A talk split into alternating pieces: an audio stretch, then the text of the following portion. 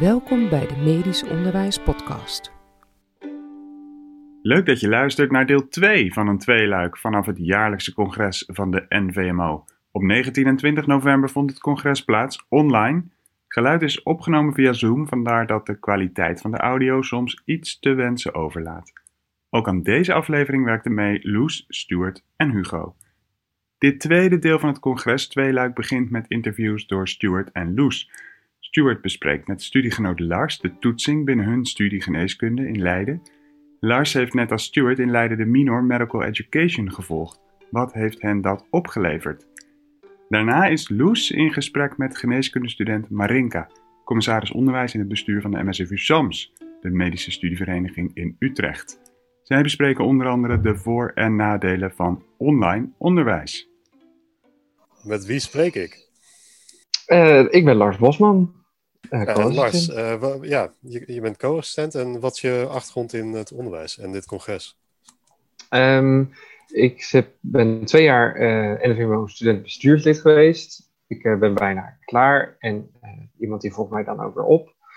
En um, ik heb tijdens mijn bachelor heb ik ook een minor medical education gevolgd. En doe ik nu nog steeds heel veel onderwijs eigenlijk. Eh, geven. Eh, eh, ook in werkgroepen en colleges geef ik ook. Dus ik vind het onderwijs heel leuk. In het kader van het, van het congres dit jaar, nou, nou het gaat natuurlijk over die heilige huisjes. Heb je mhm. zelf een heilig huisje dat je door ja, natuurlijk is de situatie nu heel anders door het coronavirus. Ben je zelf een heilig huisje tegengekomen die je anders zou willen zien zodra alles weer live is? Nou, een heilig huisje is toch wel, ja, is wel een beetje saai hoor. Maar ik vind bijvoorbeeld toetsing of zo. Dat willen mensen toch heel graag altijd ouderwets doen. En het liefst met uh, meer keuzevragen. Nou, als ik eigenlijk ergens een hekel aan heb, dan zijn het wel meer keuzevragen. En um, ik denk dat er zoveel meer te doen, of meer ja, qua toetsing valt te geven eigenlijk. Dus um, wat mij betreft is dat wel een heilig huisje wat wel omvergetrapt mag worden. Hoe zou jouw perfecte toets eruit zien? Nou, een perfecte toets is eigenlijk dat het niet echt als zo'n toetsmoment aanvoelt. Dat is natuurlijk een beetje, ja, het, is, moet natuurlijk wel een, op zich iets te beoordelen zijn, maar het mooiste zou natuurlijk zijn als het een toets is die gemaakt is door je voorgangers, die dat blok, die, de toets al, of dat, die dat blok eerder hebben gevolgd en die toets eerder hebben gemaakt. En die dus op hun ervaringen is gebaseerd. En dat je dus zo die toets gaat maken. En dat je dus eigenlijk, nou ja, ik wil zeggen, leuk, een toets is nooit echt leuk om te maken, maar dat het wel die richting op gaat, zeg maar. Ja, en dan, dan richt je ook echt op het uh, toetseffect, dus op het leereffect van een toets maken. Ja, en dat het er dus bij blijft, want ik heb dus heel vaak, dan maak ik een toets. En dan eh, over een paar weken ben ik uh, een groot deel alweer vergeten. Ja, nou, dat, als uh, student is dat ook wel mijn ervaring geweest. Ja, dan, ja, van die meerkeuzevragen toetsen, ja, nou dan leer je het en dan ben je het weer kwijt. Ja, en dan heb ik me voldoende en dan denk ik, en door. Ja, ja wat, wat is jouw mening eigenlijk over de, de, hoeveelheid toetsen die maken. Ik, ik, nou ja, ik weet dat ik in Leiden studeert. Mhm. Uh, en we maken best wel veel toetsen eigenlijk, als ik er zo over nadenk. Elke drie weken. Ja, wat, vind je daar eigenlijk van? Ja, um, het is een beetje ehm, een soort van toetsdrift. ja. Hebben een beetje. Dat is, ben ik helemaal een beetje. Ja, ik vind het dat het wel te veel toetsen is. Je kan volgens mij ook op hele andere manieren toetsen. Um, maar dan moet je natuurlijk wel goede, ja, hoe zeg je dat? Uh, uh, vereisten of zo opstellen. Weet je, dat je dan wel, als je dan een andere manier van toetsen gaat doen, dat je dan toch wel zoiets hebt van: ik heb nu dit afgesloten en ik weet genoeg. En dat is volgens mij vaak waar nog een beetje het probleem ligt. En dat mensen dan denken: nou, we doen toch maar gewoon echt een officieel tentamen, want dan is het het makkelijkste om die leerdoelen af te tikken. Ja. Volgens mij is dat het wel een beetje. Maar, ja, ik, nou ja, ik vraag het natuurlijk niet zonder reden, want dat is ook wel mijn ervaring geweest. Um, Voor de luisteraars, we hebben elke drie weken ongeveer een toets. Um, en ja, soms zijn het kleine toetsen, soms zijn het grotere toetsen, maar het zijn wel allemaal formele toetsen in vooral meer keuzeformat. Ja. Uh, en, en ja, wij denken dus allebei dat het echt wel invloed heeft op je leerproces. Uh, ja, negatieve invloed, denk ik ook. Ja, ja, dat denk ik wel. Ja. En, en uh, heb, je dat, heb je je mening altijd al gehad? Of hoe heeft de minor invloed gehad op je mening over toetsen? Nou, dat had ik natuurlijk niet altijd. Want eerst dacht ik gewoon ook van, ik ga natuurlijk gewoon die toets maken. En uh, ik had, was wel altijd een beetje kritisch op sommige toetsvragen of de manier van toetsen. Maar zeker in die minor hebben we toen wel geleerd dat er ook gewoon andere manieren zijn uh, waarop je een toets kan samenstellen, waardoor je, zoals dat toen werd uitgelegd, intrinsiek wordt gemotiveerd om ermee bezig te gaan. En dat je dus het echt in principe bijblijft. En niet dat het gewoon weer een toetsmoment is en hey you, ehm, dat was het weer voor vandaag. Ik heb mijn zes binnen en we gaan door om de voldoende. Um, dus ik heb dat in die minor wel echt nieuwe manieren van toetsen geleerd. Um, uh, waar, ja, ook niet alleen zeg maar qua inhoud, maar ook gewoon qua opzet van een toets en hoe je überhaupt toetsvragen goed maakt, weet je wel. En dan uh, na die minor had ik echt zoiets van, nou, uh, sommige toetsmakers of toetsvragenmakers, die zouden op zich ook wel deze minor kunnen volgen. Ja, het heeft twee kanten natuurlijk. Hè? Dat, ja, ja. Aan de ene kant leer je zoveel, aan de andere kant maak je dan weer een toets en denk van, oh, wat is deze toets slecht. Dan denk ik van, wie heeft dit nou weer deze toetsvragen gemaakt? Dan denk ik, ga jij eens ook even die minor volgen, want het is natuurlijk een beetje gekkigheid. Maar ja, dus, dus dat eigenlijk inhoudelijk, maar ook qua hoe maak je een goede toetsvraag en welke verschillende toetsvragen zijn er. Ja. Denk je dat het uh, waarde heeft voor alle studenten om, om wel eens ja, een kijkje achter de schermen te nemen in het onderwijs? Zoals uh, bij de minor bijvoorbeeld, maar misschien ook in een kleinere sessie. Ja, daar kan ik natuurlijk eigenlijk alleen maar ja op antwoorden. Ik denk namelijk dat uh, iedereen in de medische wereld wel ooit te maken krijgt met onderwijs. Het is natuurlijk ook wel een van de pijlers die, waar, waar je laatst mee bezig bent. Um, en vaak is het zo dat iemand, dat komt dan op zijn pad en diegene heeft zich niet altijd in verdiept, denk ik. Dus ik denk dat het goed is om dat eigenlijk iedereen wel een beetje iets mee te geven over onderwijs en toetsen. En, dat ja, diegene wel weet ook waar het om draait. Als je dan later een college geeft, dat je dan ook dat het logisch uh, voortborduurt op een eventuele toetsvraag die dan ook goed geformuleerd is, die daar ook volgt. Dus ik denk dat dat geen overbodige luxe is. Nee. Nee, dat is, ja, dat is ook wel een interessante situatie met geneeskunde natuurlijk. Dat je heel veel van de opleiders, die zijn helemaal niet als opleider nee. Uh, ja, opgeleid. Die, uh, die, precies, die zijn ja. arts of, en, en die doen dan misschien nog een beetje onderzoek erbij. En die doen dan ook nog maar een beetje onderwijs erbij. Maar ja, het is niet, in principe word je opgeleid tot arts. En ja. die, die, dat proces is er niet vaak een, ja, een, een, een, een cursus... Uh, hoe word ik een, medisch docent of zo, weet je wel? Dat, dat, dat is er vaak niet. Nee. Ja, dat is ook bijna een soort heilig huisje, toch? Dat het, ja, eigenlijk wel. Ja, ja, dat er geen, uh, of ja, dat er weinig ruimte is voor uh, opleiding ja. tot onderwijzer in. Nou, dat is, is inderdaad iets, ja, iets goed. Want ja, ik, ik zit er natuurlijk, en jij ook gewoon wel echt in de, dat onderwijswereldje. Maar als je daar in je studie nog nooit echt iets mee hebt gedaan, uh, dan inderdaad is het voor diegene die denkt van wat is dit, weet je wel, wat, komt, wat is het voor wereld? En wat dat betreft is dat inderdaad een heilig huisje die wel uh, omvergetrapt ook kan worden. Dat er voor iedereen een beetje onderwijs uh, is. Dus, sterke uitsmijter. Dat wel, ja, zeker. Ja. Lars, ja. hartstikke bedankt. ik ga weer door naar het volgende interview. Ja, succes. Ja, succes en geniet van het congres. Dankjewel, jij ook.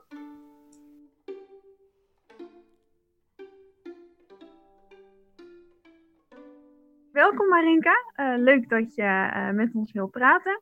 Kan je om te beginnen uh, kort iets vertellen over jezelf, wat je doet en wat je link is met medisch onderwijs? ja, zeker. nou, ik ben dus Marinka en ik heb nu mijn bachelor van geneeskunde in Utrecht afgerond. En dit jaar doe ik het hele, hele jaar een bestuursjaar bij de MSF SAMS. Dat is de studievereniging van geneeskunde in Utrecht. En mijn functie daarbij is uh, commissaris onderwijs. Dus uh, ik hou me eigenlijk bezig met uh, alles wat er in onderwijsland, hoe ze dat noemen, speelt. En zo kreeg ik ook een uitnodiging voor het congres en zit ik nu hier. Wat leuk. Hey, en we zijn aan het begin van dag 2. Uh, we hebben dus één congresdag erop zitten. En zijn er al gisteren dingen geweest waarvan je denkt van die moet ik onthouden? Dit zijn al een paar take-home messages, zo te zeggen, die ik ga gebruiken. Uh, ja, ik had een, onder andere een hele leuke workshop over uh, beter leren door visualiseren. Dus door te tekenen, wat je en kan gebruiken um, met zelf dingen leren, maar ook met dingen uitleggen naar anderen. En dat heb ik ook gelijk uh, toegepast in, uh, in mijn tweede workshop. Dus daarbij heb ik ook uh, gelijk heb ik meegetekend in plaats van meegeschreven. Erg leuk om te doen en ik ben ook echt wel van mening dat het goed kan werken. Ja, leuk. Hey, en dit congresthema is uh, heilige huisjes. Nou, je vertelt al zelf dat je al best wel bij onderwijs betrokken bent geweest. ben je daar al veel heilige huisjes tegengekomen? Ik zou op dit moment niet meteen concrete voorbeelden kunnen noemen, maar ik heb het idee dat er wel heel erg veel zijn. Um, en ook dat elke docent net zijn eigen heilige huisjes heeft. Dus dat het ook per blok kan verschillen hoe een ja, hoe docent dat aanpakt, omdat dat uh, dan zijn of haar eigen manier is. Um, en wat ik wel het idee heb, is dat de heilige huisjes die er zijn, dat een best wel groot deel wel omver is getrapt door uh, corona. Omdat nu moet het veranderen. Dus nu um, kan de opleiding zich ook niet meer vasthouden aan alle heilige huisjes. En ergens is dat lastig, maar ergens is dat denk ik ook wel weer heel erg goed. Dus um, daar ben ik uh, echt ook wel blij mee. Ik denk dat nu meer veranderingen mogelijk zijn, omdat mensen toch al zo erg bezig zijn met zoeken naar alternatieven. Dus dat is wel een uh, mooie ontwikkeling, denk ik. Zeker. En zijn er ook dingen die dan nu met het corona uh, in het onderwijs zijn toegepast, waarvan je denkt van nou die gaan blijven of die moeten blijven? Ja, ik denk dat sowieso een deel van het online onderwijs wel zal blijven. Het heeft natuurlijk nadelen, online onderwijs, maar het kan ook wel heel goed werken. Um, en het is goed om te leren. Wat ik wel mooi voorbeeld is dat in de communicatielessen, die worden normaal gesproken allemaal fysiek gegeven. Uh, maar nu is een deel ook online. Maar eigenlijk is dat wel heel goed dat de studenten dat ook leren. Want ik denk ja, in de toekomst zal je als arts uh, nou, en veel bellen, dat gebeurt ook al, maar misschien ook meer afspraken doen uh, met uh, videobellen, omdat sommige mensen wonen ook heel erg ver weg en is het eigenlijk best wel een last om naar het ziekenhuis te komen. Dus ik denk dat het in de toekomst meer toegepast gaat worden. En als je dat dan als student al leert, hoe je dan goed communiceert zonder elkaar in levende lijf te zien, dat het wel echt ook kan bijdragen door corona een soort gedwongen modernisering van het onderwijs. Ja, zeker. Ja, want jij vertelt, jij bent net klaar met je bachelor. Heb je zelf ook nog online onderwijs gehad? Ja, ik heb zelf ook nog online onderwijs gehad. Ik heb twee uh, vakken online uh, gevolgd uiteindelijk. En hoe was dat? Uh, nou, het is wel, het is vooral wat saaier. Je mist um, de dingen als koffie halen met je medestudenten. Dat is toch best wel een belangrijk iets dat je in de pauze lekker met elkaar een beetje nakletst over het college en ook over wat andere dingen hebt en uh, even ertussenuit met elkaar en gewoon de gezelligheid. Het, heeft wel, het is efficiënter, want uh, je hoeft niet te reizen en je wordt misschien iets minder afgeleid. Ja, het zal per persoon verschillen. Maar ik had gewoon dat ik er veel minder tijd in kwijt was. Omdat het was echt laptop open, laptop dicht. Um, en het voordeel is dat je in de zomer kan je lekker in de tuin gaan zitten. Uh, dus dat soort dingen, ja, het heeft ook weer zijn voordelen. Um, maar ik zou het zeker niet, uh, niet voor altijd willen. Daarvoor zijn je medestudenten toch uh, iets te leuk. En ook met colleges geven, um, als, als een docent echt in real life aanwezig is en je, je ziet ook de passie en daarnaast de mogelijkheid om nog vragen te stellen. Dat, dat werkt ook wel veel beter voor het leerproces dan dat je naar een opname kijkt. Het voelt toch, ja, je krijgt er dan net wat minder van mee. Ja. Hey, en uh, we gaan straks weer door uh, met de sessies. Wat ga je vandaag volgen? Ik uh, ga straks een workshop mediteren volgen. Ik denk zeker in, ja, in deze tijd waar best veel mensen gestrest zijn en veel bezig zijn met echt van alles en nog wat, dat het best wel goed kan zijn om gewoon even stil te staan um, ja, bij het moment en even juist niet uh, aan alles te denken wat je wel niet uh, kunt gaan doen. Nou, leuk. Uh, ik denk dat dit een mooie plek is om af te ronden. Heel erg bedankt voor het interview.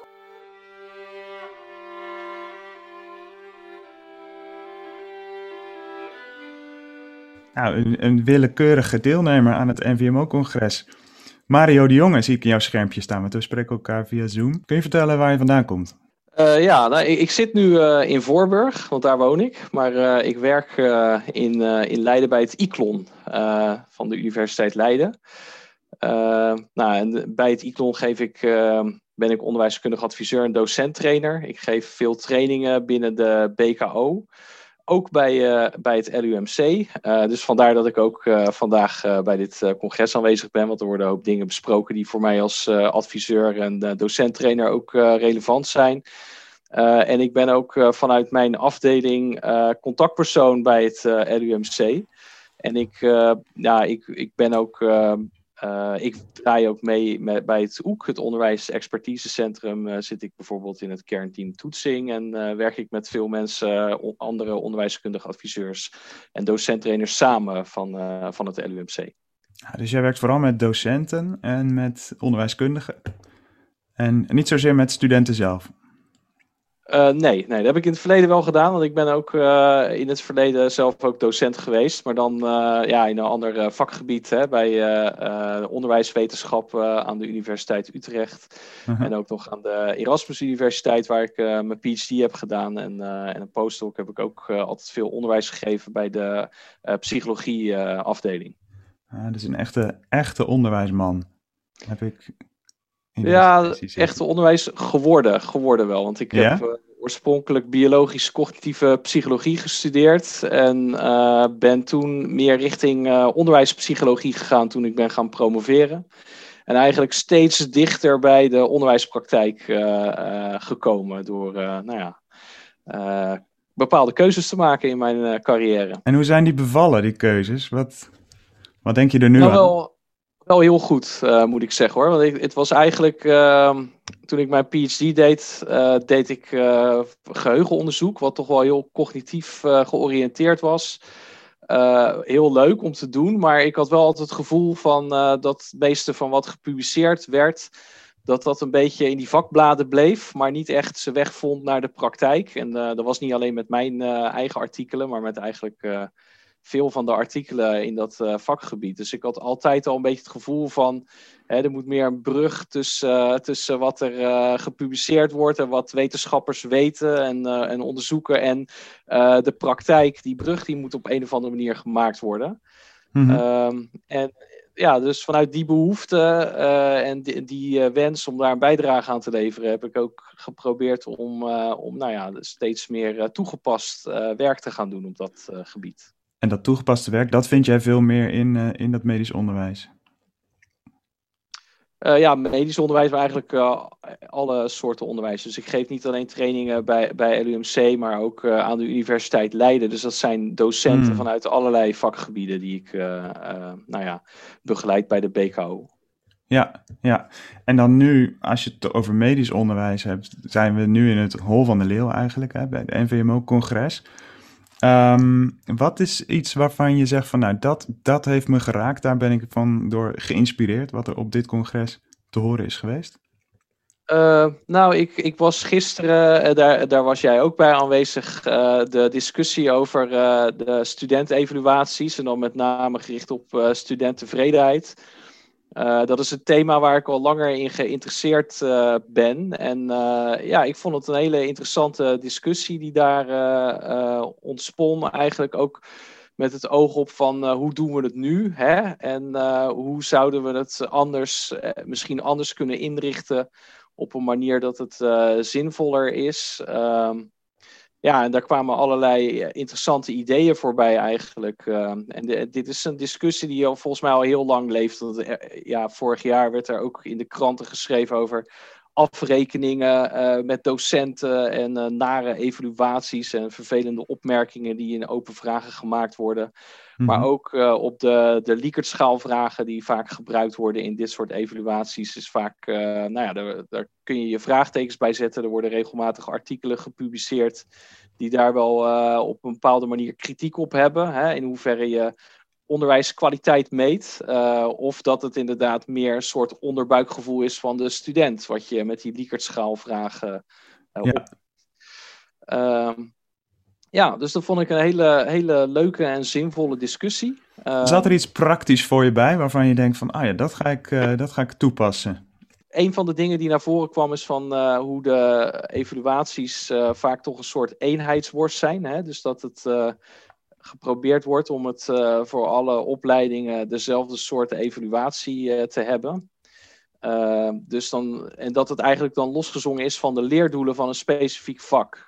Dus je zou kunnen zeggen van, is het dan misschien interessant om ook op leerdoelen te evalueren? Dus dat de student bijvoorbeeld aangeeft in hoeverre ze het gevoel hebben dat die specifieke leerdoelen voor, de, voor een bepaald vak ook daadwerkelijk bereikt zijn. Dat geeft je misschien al concretere handvatten. We hebben het ook gehad nog over ehm, meen ik me te herinneren, het moment waarop je evalueert. Dus hè, als je dat tijdens een vak doet, uh, dus niet helemaal aan het einde, maar al misschien halverwege, dat de student dan ook het gevoel heeft van dat hij er zelf nog wat aan heeft. Hè? Want uh, die evaluaties worden misschien ook een beetje gezien als een moetje. Uh, snel ingevuld door studenten zonder daar al te veel aandacht aan te besteden. En dan heb je eigenlijk niet echt waardevolle informatie. Terwijl als je het eerder al een evaluatie zou hebben, heeft de student er zelf nog wat aan. Ja. Een andere suggestie die ik me kan herinneren was ehm, om ehm, bijvoorbeeld ook aan te geven wat, de, wat er uit de evaluatie van een eerder jaar naar voren is gekomen aan het begin van het vak. En dat ook te communiceren aan studenten, zodat ze ook zien dat het een soort uh, ja, reciprocaal systeem is, waarbij hè, de, de, de volgende groep studenten ook daadwerkelijk geholpen is. En dat deze groep die nu gaat evalueren of die uh, nu een evaluatie gaat invoeren, uh, voeren, dat, dat, ook, uh, dat die ook geholpen zijn geweest misschien met een eerdere evaluatie. Uh, ja, dat vond ik zelf ook echt een hele goede tip, om dat aan het begin al te noemen wat er uit voorgaande evaluaties is gekomen. Um, omdat je dan die student echt het idee geeft jullie, dat ze ook bezig mee zijn met het maken van dat onderwijs door de jaren heen. Ja, ja, ja, en je ziet ook als student uh, dat er dan ook echt wat mee gebeurt. Hè? Want dat is natuurlijk altijd maar de vraag als je dit soort uh, dingen invult. Van ja, wordt er überhaupt naar gekeken en wat komt er uiteindelijk van terecht? Uh, op deze manier kun je dat zichtbaar maken. Dus dat ja. vond ik een hele goede suggestie. Die volgens mij ook niet zo heel veel inspanning vergt. Dus dat goed idee. Nee, dat denk ik ook niet. Ik denk dat we dat. dat ik, ik ga dat sowieso toepassen in, in mijn onderwijs. Um, en ik denk misschien wel meer mensen die daar gisteren bij aanwezig zijn geweest. Zijn er vandaag dingen, want we zitten nu op de tweede dag van het congres, waar jij uh, naar uitkijkt? Nou, de, de, ik, ik, ga sowieso naar de posterpresentaties. Ik moet eerlijk zeggen dat ik uh, naast de keynote het programma nog niet echt zo uh, heel goed bekeken heb. Ik vond de keynote ook, ook heel interessant. Hè? Dus, Over de mislukkingen. Ja, over de briljante mislukkingen. En ja, om toch ook weer een link naar die studentevaluaties te trekken. Ik denk ook dat hè, wat, het, wat, wat er een beetje gesuggereerd is, dat de vernieuwers, hè, die schuwen de mislukking niet, om het zo maar te zeggen. en ja, misschien dat die studentevaluaties vernieuwing ook wel een beetje ontmoedigen, hè, zoals ze nu, nu zijn ingestoken. Daar zat ik aan te denken. Want als je, als je iets nieuws probeert, heeft het misschien een grotere kans om, uh, om in eerste instantie niet direct goed uit de verf te komen. Het heeft misschien een grotere kans van mislukken, om het zo maar te zeggen. En dat zou best wel eens een briljante mislukking kunnen zijn.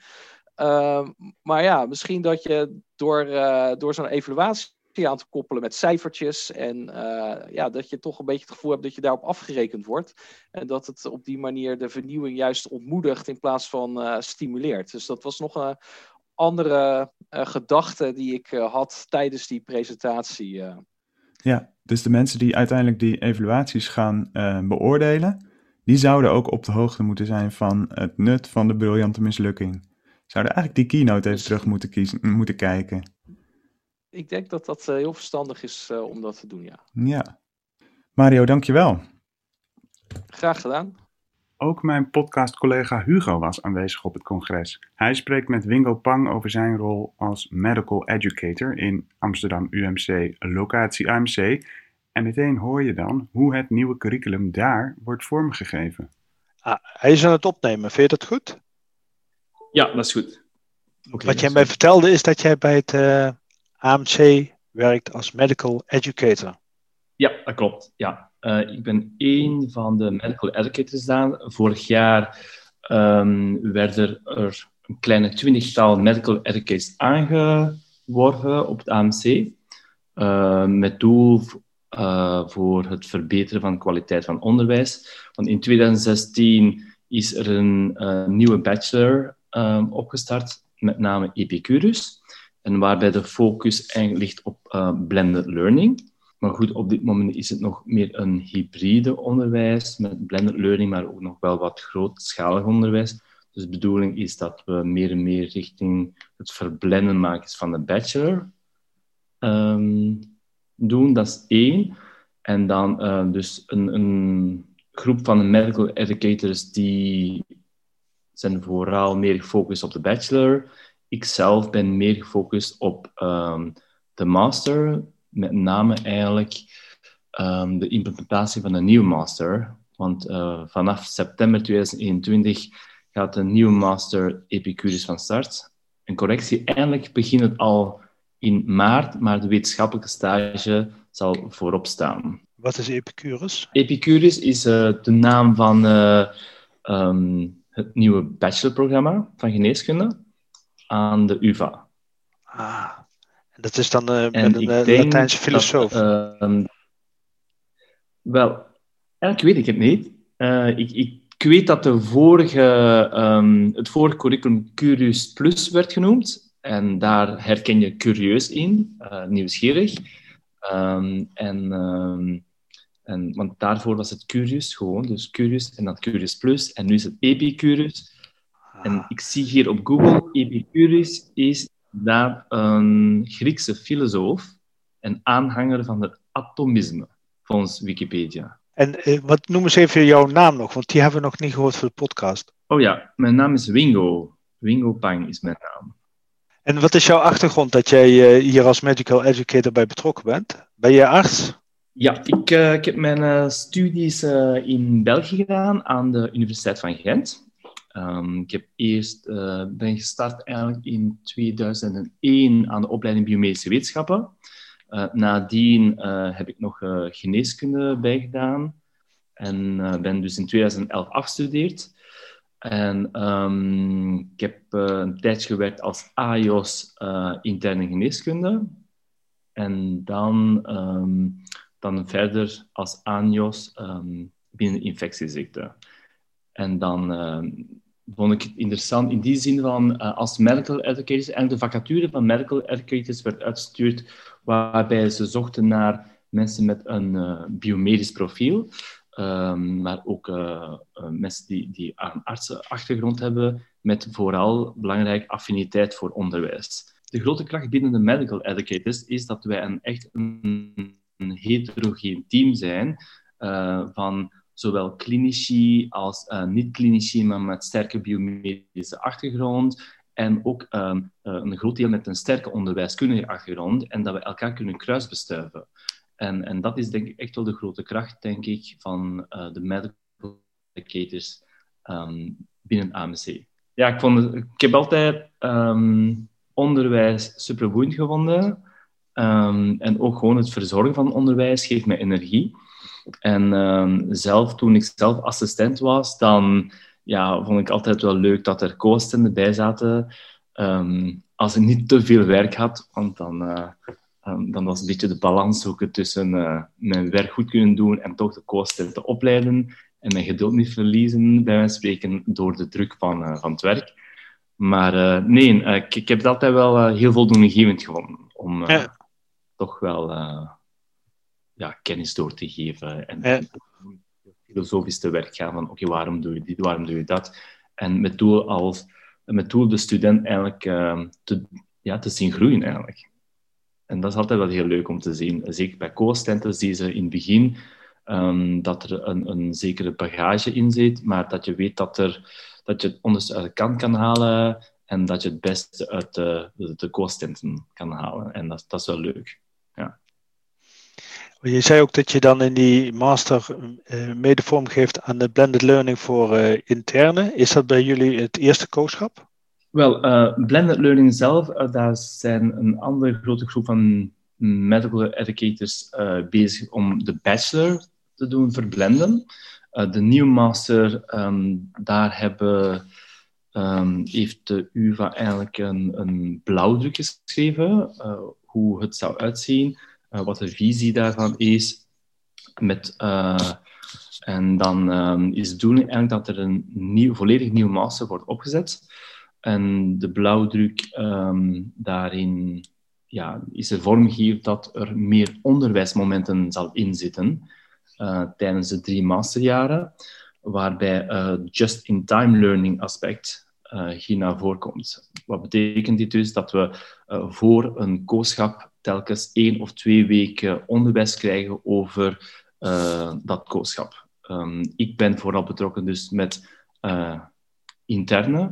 het, binnen Nieuw Master zal um, het kooschap interne van negen weken helemaal van uh, aan het begin komen, samen met uh, twee weken dermatologie voorafgaand. En voorafgaand aan die kooschappen uh, gaan er um, twee weken introductieweken zijn en twee weken um, onderwijsweken met betrekking tot interne en dermatologie.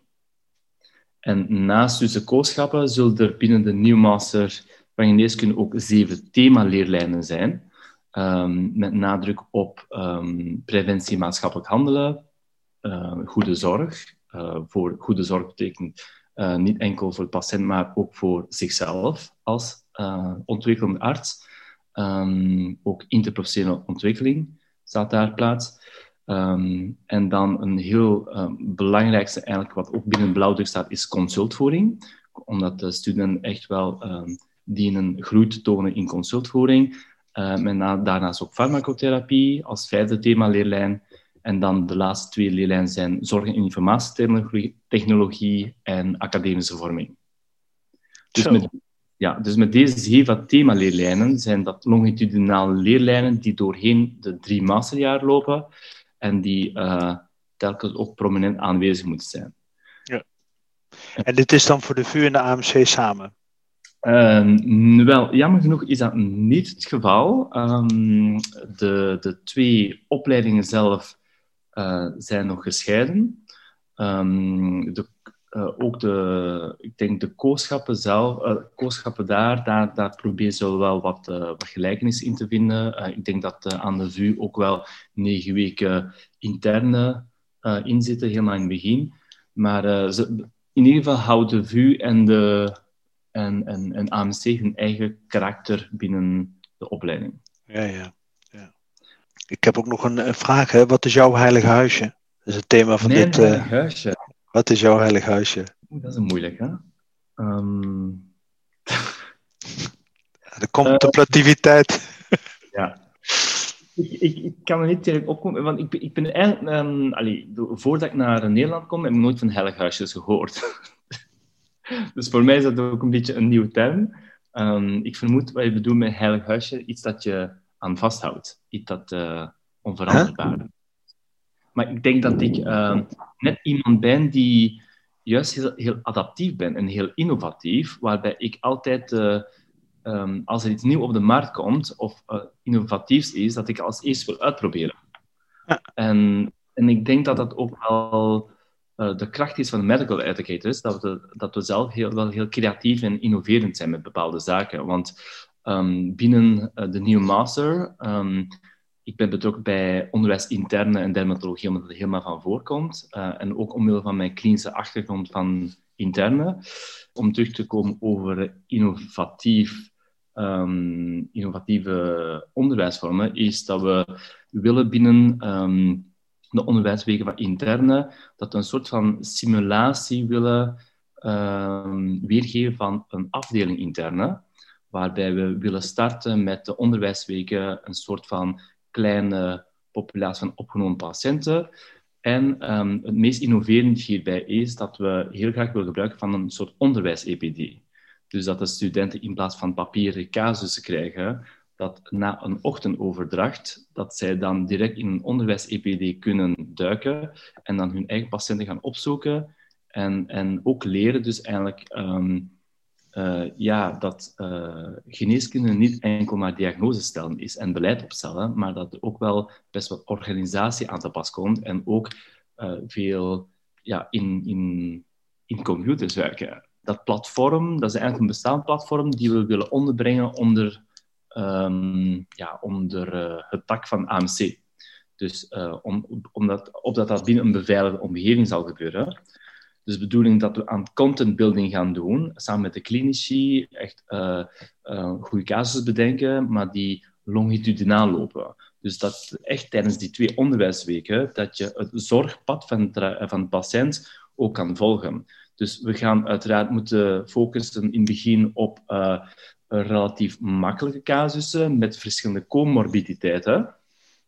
Net zoals het echt ook is. En dat er tijdens de week uh, complicaties gebeuren tijdens, van die patiënten. En dat dat ook in real life gebeurt. En dat ze, als er complicaties gebeurt, dat ze ook daarin aan zelfstudie kunnen doen qua het zich eigen maken van de studiestof. En tijdens de contactmomenten um, proberen wij daarin te verdiepen, wat ze dan zelf gestudeerd hebben. Prachtig. En, en dit, ik bedoel, het maakt ook duidelijk dat je zegt eh, over het heilige huisje, van ik heb eigenlijk geen vast heilig huisje, maar die innovatie dat inspireert en uh, je neemt me mee in, dat hele, in die hele ontwikkeling die in Amsterdam uh, plaatsvindt. Ja. wat nog een andere vraag is, we hebben druk, mm -hmm. het is een mhm. druk leven. Absoluut. Wat is jouw tip voor verstrooiing voor de luisteraars? Tip voor verstrooiing. Wat bedoel je met verstrooiing? Om even af en toe uh, af te kunnen draaien of te kunnen oh, spannen, af te leiden. Um, mooi boek, mooi film of een andere activiteit. Veel in beweging zijn, zeg ik altijd. Je, zit je wil niet de dag achter de computer gekluisterd zitten. Dus ik probeer uh, toch iedere dag iets aan uh, beweging te doen. En uh, binnen de Medical Educators hebben we eigenlijk um, iets gevonden om elkaar te stimuleren. We hebben onlangs um, een soort van kleine competitie ingevoerd, waarbij we iedereen een app moeten downloaden, het Ommetje Lopen app, waarbij je XP-punten kunt winnen. Dus iedere keer als je een, elke dag, of als je een keer buiten loopt, een ommetje loopt van minimum 10 minuten, kan je XP-punten winnen. En, en zo is het een soort van ranglijst. En op dit moment voer ik de ranglijst aan. en doe je dat dan uh, terwijl je met een Zoom-sessie zit, dat je dan aan het lopen bent? Of koppel je dan ook echt even af? Nee, ik probeer echt wel ehm, af te koppelen. Ik probeer echt af te koppelen en echt wel van de natuur te genieten tijdens mijn lopen. Um, maar wat ik soms wel doe, is dat ik een keer een podcast aanzet. Um, ja, wat, mijn, mijn favorite podcast op dit moment is Core IM, Core Internal Medicine, waarbij er pareltjes meegegeven worden van interne geneeskunde, uh, maar ook uh, Mind the Gaps, dus eigenlijk uh, zaken die we altijd voor de hand liggend doen, maar eigenlijk niet goed weten ja, wat de onderbouwing ervan is, bijvoorbeeld. Um, en dit inspireert mij ook en geeft ook weer nieuw ideeën voor het onderwijs binnen um, ja, de, de onderwijsweken van internen die, die ik op dit moment aan het proberen opstellen is. Ik wou je danken voor het interview. Volgens mij gaat de verbinding nou even slecht, maar uh, mooi dat je me zo enthousiast meeneemt in de ontwikkeling in Amsterdam, maar ook laat zien hoe jij als docent in, um, ja, misschien ook naar aanleiding van dat heilige huisje aangeeft hoe breed je ingesteld bent op het maximale met creativiteit vorm te geven. Hartstikke gaaf. Prachtig. Dankjewel.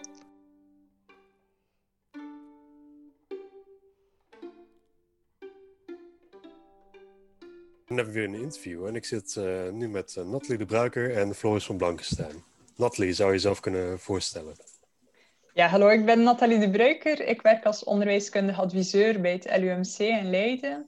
Uh, en oorspronkelijk, zoals je mijn accent kunt horen, kom ik uit België, maar ik woon uh, nu tien jaar al uh, in Nederland.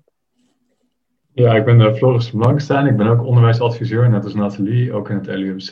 En daarnaast doe ik ook onderwijskundig onderzoek. Ik kom oorspronkelijk uit Den Haag. Ik heb al een lange tijd in Maastricht gewoond, waar ik ook ben gepromoveerd. En nu woon ik weer in deze regio. Nou, dus jullie twee hebben ook een, meegedaan aan een sessie vandaag. Uh, ook als, uh, ja, als presenters. En uh, hoe was dat eigenlijk? Hoe hebben jullie dat ervaren? Um, ja, ik vond het heel erg interessant. De eerste is, ik vond de keynote heel interessant van Aniek. Sowieso over nou ja, zelfreflectie. En het is natuurlijk een onderwerp dat altijd speelt. En voor mij is dan de handvraag altijd een beetje van hoe doe je het op een manier dat studenten de echte meerwaarde ervan inzien en het zinvol vinden. Ehm, maar ik moet zeggen, ja, ik, ik, ken haar werk wel een beetje en ook haar werk over leerstrategieën die effectief zijn. En ik moet zeggen dat ik dat wel erg nuttig vond. En ook de enorm, er werden enorm veel vragen gesteld in de chat en er was heel veel discussie. Dus ja, dat vond ik echt heel interessant. Natalie, wat, wat vind jij ervan? Ja, het was wel uh, bijzonder natuurlijk, heel anders dan normaal. Maar ja, ik vond het wel heel leuk gedaan, omdat het een, heel interactief was. Dus iedereen kreeg even de korte kans uh, om zijn, uh, zijn verhaal nog even te pitchen. En daarna konden mensen vragen stellen in breakout rooms en daarna ook plenair. Ja, dus het zorgde wel voor veel interactie en dat je ook zo, ja, van die verschillende presentaties veel te horen kreeg, maar ook van de, de vragenstellers eigenlijk. Uh, dus stond, ja, heel interessante discussies door. In het kader van het uh, congres van de Heilige Huizen natuurlijk, zijn er bij jullie eigenlijk Heilige Huisjes ja, doorbroken of hebben jullie Heilige Huisjes zelf? Ik denk dat misschien wat dat als een heilig huisje zou kunnen gezien worden, maar al doorbroken werd, denk ik, dan door de keynote, is van ja, dat heel vaak de docent de neiging heeft om te sturen. En als je dan kijkt naar bijvoorbeeld ons project als Your Peer, waarbij dat we dan studenten zelf de vragen laten stellen aan hun peers, in plaats van dat je dat als docent al voorkoudt.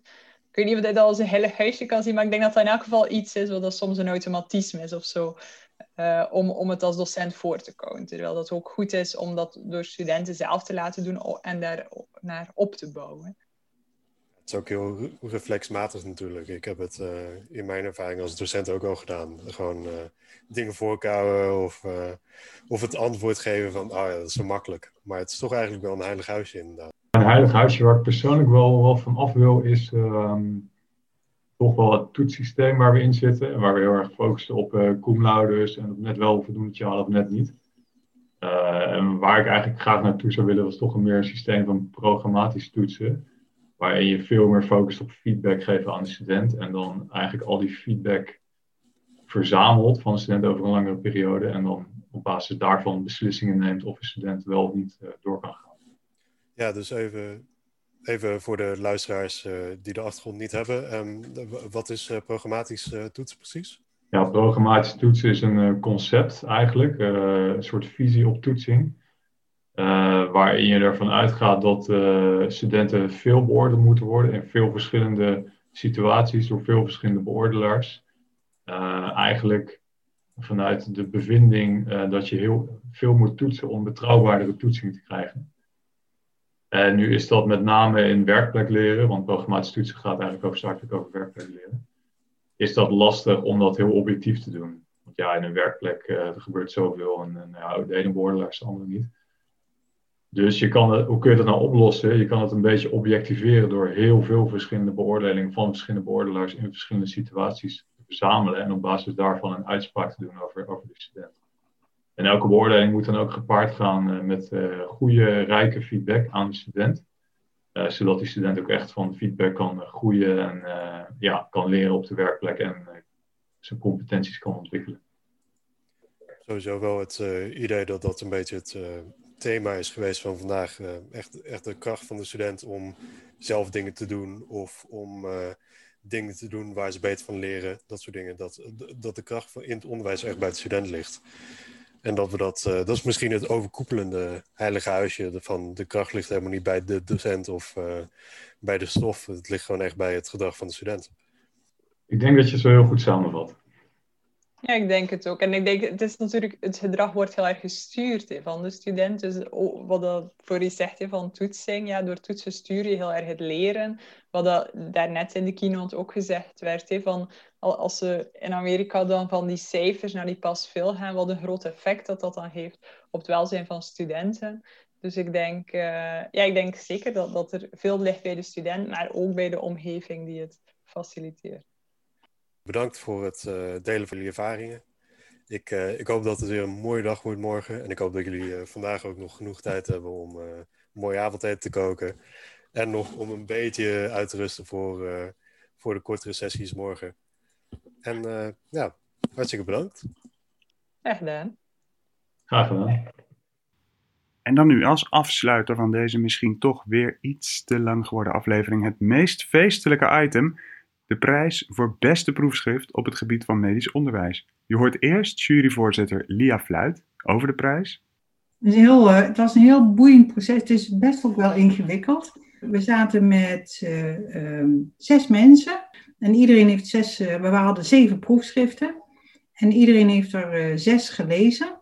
Zo konden we precies zorgen dat mensen die betrokken waren bij een promotie of bij een proefschrift, ja, die konden het natuurlijk niet zelf gaan beoordelen. En we hadden een beoordelingsformulier, hebben we nog aangepast. Er is een, een aantal jaar geleden een artikel verschenen van Old en over waar eigenlijk een, een goed proefschrift of een thesis aan zou moeten voldoen. Dus een medical teacher gekomen. En daar, op basis daarvan hebben we nu in ieder geval ook dat echt als een soort format gemaakt om gewoon allerlei aspecten die in het proefschrift aan de orde komen om daar een oordeel over te geven. Dat heeft eerst iedereen afzonderlijk gedaan. En dat heb ik allemaal verzameld. En daarna zijn we bij elkaar gekomen en hebben dus uitgebreid gediscussieerd ehm, over alle aspecten en hoe we beoordeeld hebben en wat we gewaardeerd hebben. En, uh, en daar, zijn, uh, ja, daar kwamen wel heel duidelijk drie genomineerden uit. En wie zijn dan die drie genomineerden? Marianne Mak, over onprofessioneel gedrag en hoe je dat eigenlijk kan, kan vaststellen en, en wat, je daar, wat je zou kunnen doen. Uh, Judith Voogd over um, ja, personal leadership, maar ook safety en eigenlijk de veilige leeromgeving. Hoe creëer je een omgeving waarin je echt goed kan ontwikkelen uh, en goed voor jezelf kan zorgen en goed voor de patiënt kan zorgen. Want dat is natuurlijk ligt wel heel mooi in het verlengde. En een proefschrift van Wendy de Leng um, over selectie. Hoe goed selecteren we en, en hoe kunnen we daar um, keuzes in maken? Dus ja, het zijn alle drie um, op, hun, op hun gebied wel hele mooie proefschriften. Met allemaal hele relevante kennis en inzichten voor de praktijk. Een dag na het congres spreek ik met Marianne Mak, de winnares. Want je hebt gisteren de prijs gewonnen. Ja, fantastisch hè? ja, gefeliciteerd. Ja, dankjewel Remco. Het was ontzettend leuk. Ik had in uh, september gehoord dat ik uh, genomineerd was met twee anderen. En ehm, ja, dan is het natuurlijk eventjes afwachten. Hè? Hoe gaat dat? Dus het is wel best wel spannend op zo'n dag dat, dat je dat gaat horen. Leuk. En was je verbaasd eigenlijk? Dat je gewonnen nou, had? Ik, ik heb ja, ik, ik, zag natuurlijk wel mijn concurrenten. Dus ik, uh, en ik had uh, beide proefschriften had ik hier thuis. Dus ik, heb, ik heb toch nog eventjes goed gekeken. Hoe, hoe hebben die het gedaan? En nou, zowel de onderwerpen als de uitvoeringen waren eigenlijk in alle twee gevallen ook ja, in mijn ogen fantastisch. Heel erg leuk. Maar ik wist wel dat ik kans maakte, want ik, ik ben zelf cum laude gepromoveerd. Dus dat was natuurlijk toen voor mij ook al een bevestiging dat nou ja, dat het een goed verhaal was. Ja. ja.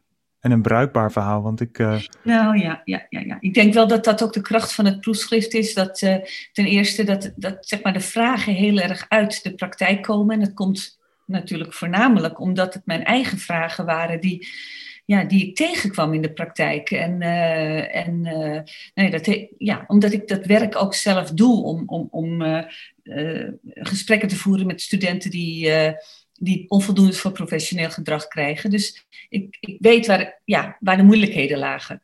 Als ik het goed begrijp, heeft het in totaal dan zo'n zes jaar geduurd, het traject? Ja, ja, ja, ja, ja, ja. Dat is toch, ja, vind je, als je daarop terugkijkt, voelt het dan als een, lang, een lange tijd? Of... Ja, weet je, ik heb er twee dagen per week aan besteed, uh, want ik deed het natuurlijk naast mijn andere werk. Dus uh, kijk, als je fulltime besteedt aan een proefschrift, dan uh, haalt geloof ik 50% het binnen vier jaar. Dus ik geloof, ik ben best wel trots op die zes jaar. Het is, het is goed, het voelt niet als lang. Het was een fijne tijd. alhoewel er natuurlijk ook af en toe zo ja, wat hobbels waren. Maar ja, dat is natuurlijk ja, dat is ook wel inherent aan zo'n promotietraject. Hè. Het publiceren is heel moeilijk. Mm je krijgt afwijzingen. Uh, je, je moet uh, voor de derde keer revisies maken van een stuk waarvan je dacht, nou, hier was ik toch echt wel klaar mee. Daar had mijn ziel en zaligheid al ingestopt. Dus ik kan me ook wel voorstellen dat ja, in het medische domein, waar zeg maar, veel specialistenopleidingen ook een promotietraject vragen van van, uh, van de kandidaten, dat ze dat ook wel met een reden doen. Want je leert wel doorgaan met uh, ja, doorgaan ook als je tegenslag hebt. Dat leer je zeker. Maar kijk, daar is dan, uh, ja, daar heb je dan je collega's voor en, en, en je begeleidingsteam. En ik moet zeggen, daarin ja, heb ik ontzettend veel ja, geluk gehad of plezier. Ja, zeker ook geluk. En dat heeft me plezier opgeleverd van een team waarin, uh, ja, waarin we de, die, die, die, die hobbels of die moeilijkheden ook heel goed met elkaar konden opvangen. En waar we trouwens ook onze successen heel erg met elkaar konden vieren. Dus dat is heel erg leuk. Ja, dus ik hoor je zeggen van het onderwerp komt voort uit je eigen belangstelling, uit echt dingen die je tegenkwam op de werkvloer. En die wilde je gaan onderzoeken. Ja. Achteraf gezien heeft het, ja, voelt het niet eens als heel lang. Um, nee, nee. En, en, en de, de, de, de, de troubles die er altijd zijn natuurlijk bij, uh, bij het schrijven van een proefschrift, die heb je opgevangen door eigenlijk een team om je heen te hebben. Ja, ik denk dat dat heel belangrijk is. Dus als je, als je nou kijkt naar waarom is een PhD succesvol, dan, uh, ja, dan, dan, dan zijn dat wel de belangrijke dingen. Dat je zelf passie voor het onderwerp hebt, dat je, nou ja, dat je het belang van het onderwerp gewoon heel erg onderkent. Dat, dat, dat, ja, dat het je eigen keuze is, dat je zelf denkt van ja, hiermee wil ik aan de slag. Want zelfs zo'n onderwerp waar je heel erg graag mee aan de slag uh, gaat, ja, heeft af en toe natuurlijk zo zijn scherpe kantjes en zijn moeilijkheden. Maar ja, dan heb je je team, je hebt gelijk, dat is fijn. En je hebt iets geproduceerd waar we allemaal heel veel aan hebben. Dat, uh, ja, dat vind ik dan weer heel leuk. Ja, ja. Nou, wat leuk is, is dat. Uh, kijk, het is natuurlijk altijd heel moeilijk om, uh, om onderzoek ook echt in de praktijk te laten landen. Ja. Uh, het laatste hoofdstuk van mijn proefschrift, of het voorlaatste hoofdstuk, hoofdstuk 9, dat, dat is een AMI-guide. Dus fantastisch dat, dat zeg maar, die modellen die ik ontwikkeld heb in zo'n uh, richtlijn voor docenten ja, terecht is gekomen. Hè. Die heb ik geschreven met mijn mede-auteurs, met mijn team, promotieteam. Dus dat is leuk. Maar een, een, een volgende stap is, en daar ben ik eigenlijk ook heel erg blij mee, dat uh, dat ik met uh, het proefschrift in de hand ook een Comenius-aanvraag gedaan heb.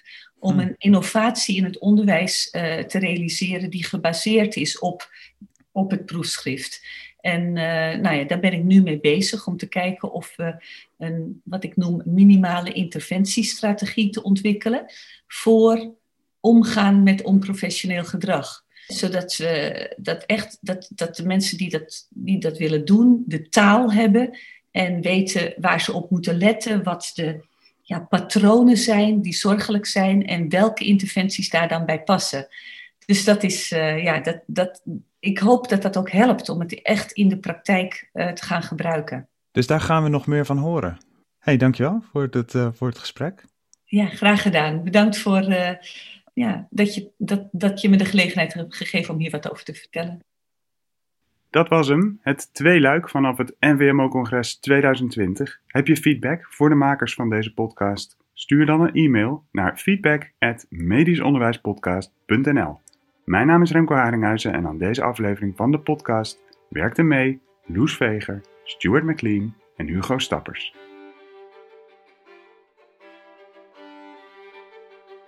Bedankt voor het luisteren naar de Medisch Onderwijs Podcast.